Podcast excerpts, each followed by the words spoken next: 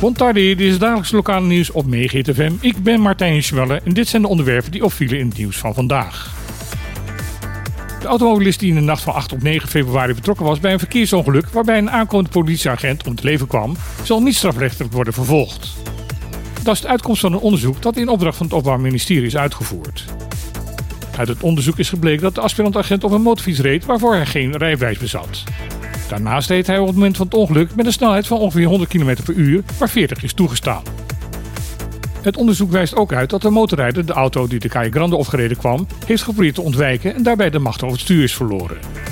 Het is namelijk dat het ongeluk niet zou hebben plaatsgevonden wanneer de motorrijder op dat moment de toegestaande snelheid zou hebben gereden. Ook de onervarenheid van de motorrijder zonder rijbewijs kan hebben meegespeeld bij het ongeluk.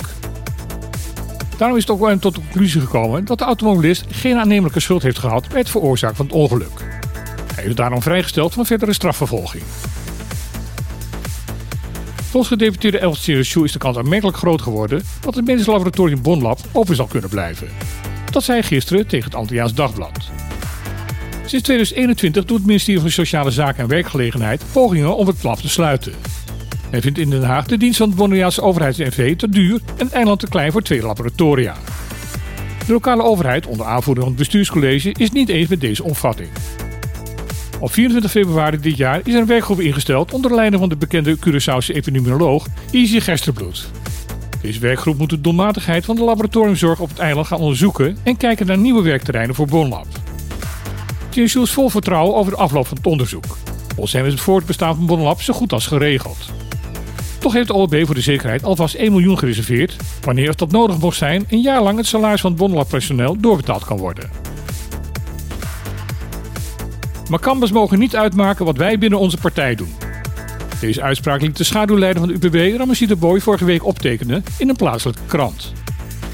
Aanleiding voor deze uitspraak was een meningsverschil met de redactie van het radioprogramma Op de Klippen, dat komende zaterdag een lijsttrekkersdebat gaat uitzenden.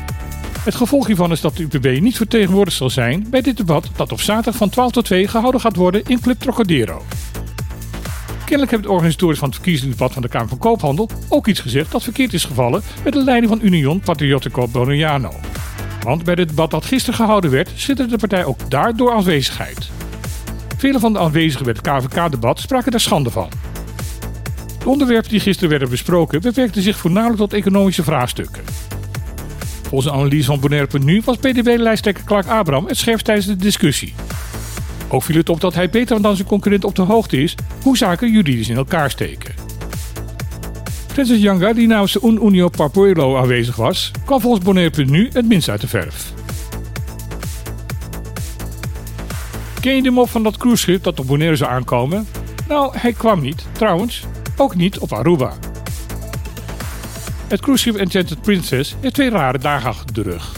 Het schip zou zondag rond 11 uur aanmieren op de kade van Bonaire. Maar door de aanhoudende harde wind vond de kapitein van het schip dat een te groot risico. Bonaireaanse loodsen hebben de kapitein toen diverse mogelijkheden voorgelegd om alsnog te kunnen aanmeren, maar de kapitein van de Enchanted vond dit allemaal te risicovol. Omdat hij niet wilde wachten op de komst van een sleepboot, vertrok het schip na een uur richting Aruba. Daar kwam het schip gisteren aan.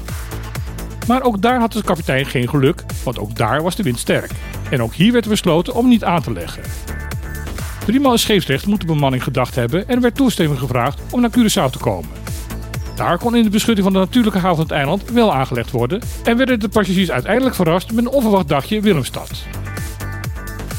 Dit was weer de lokale nieuws op Megahit FM. Ik wens iedereen nog een hele goede dag en dan graag weer tot morgen.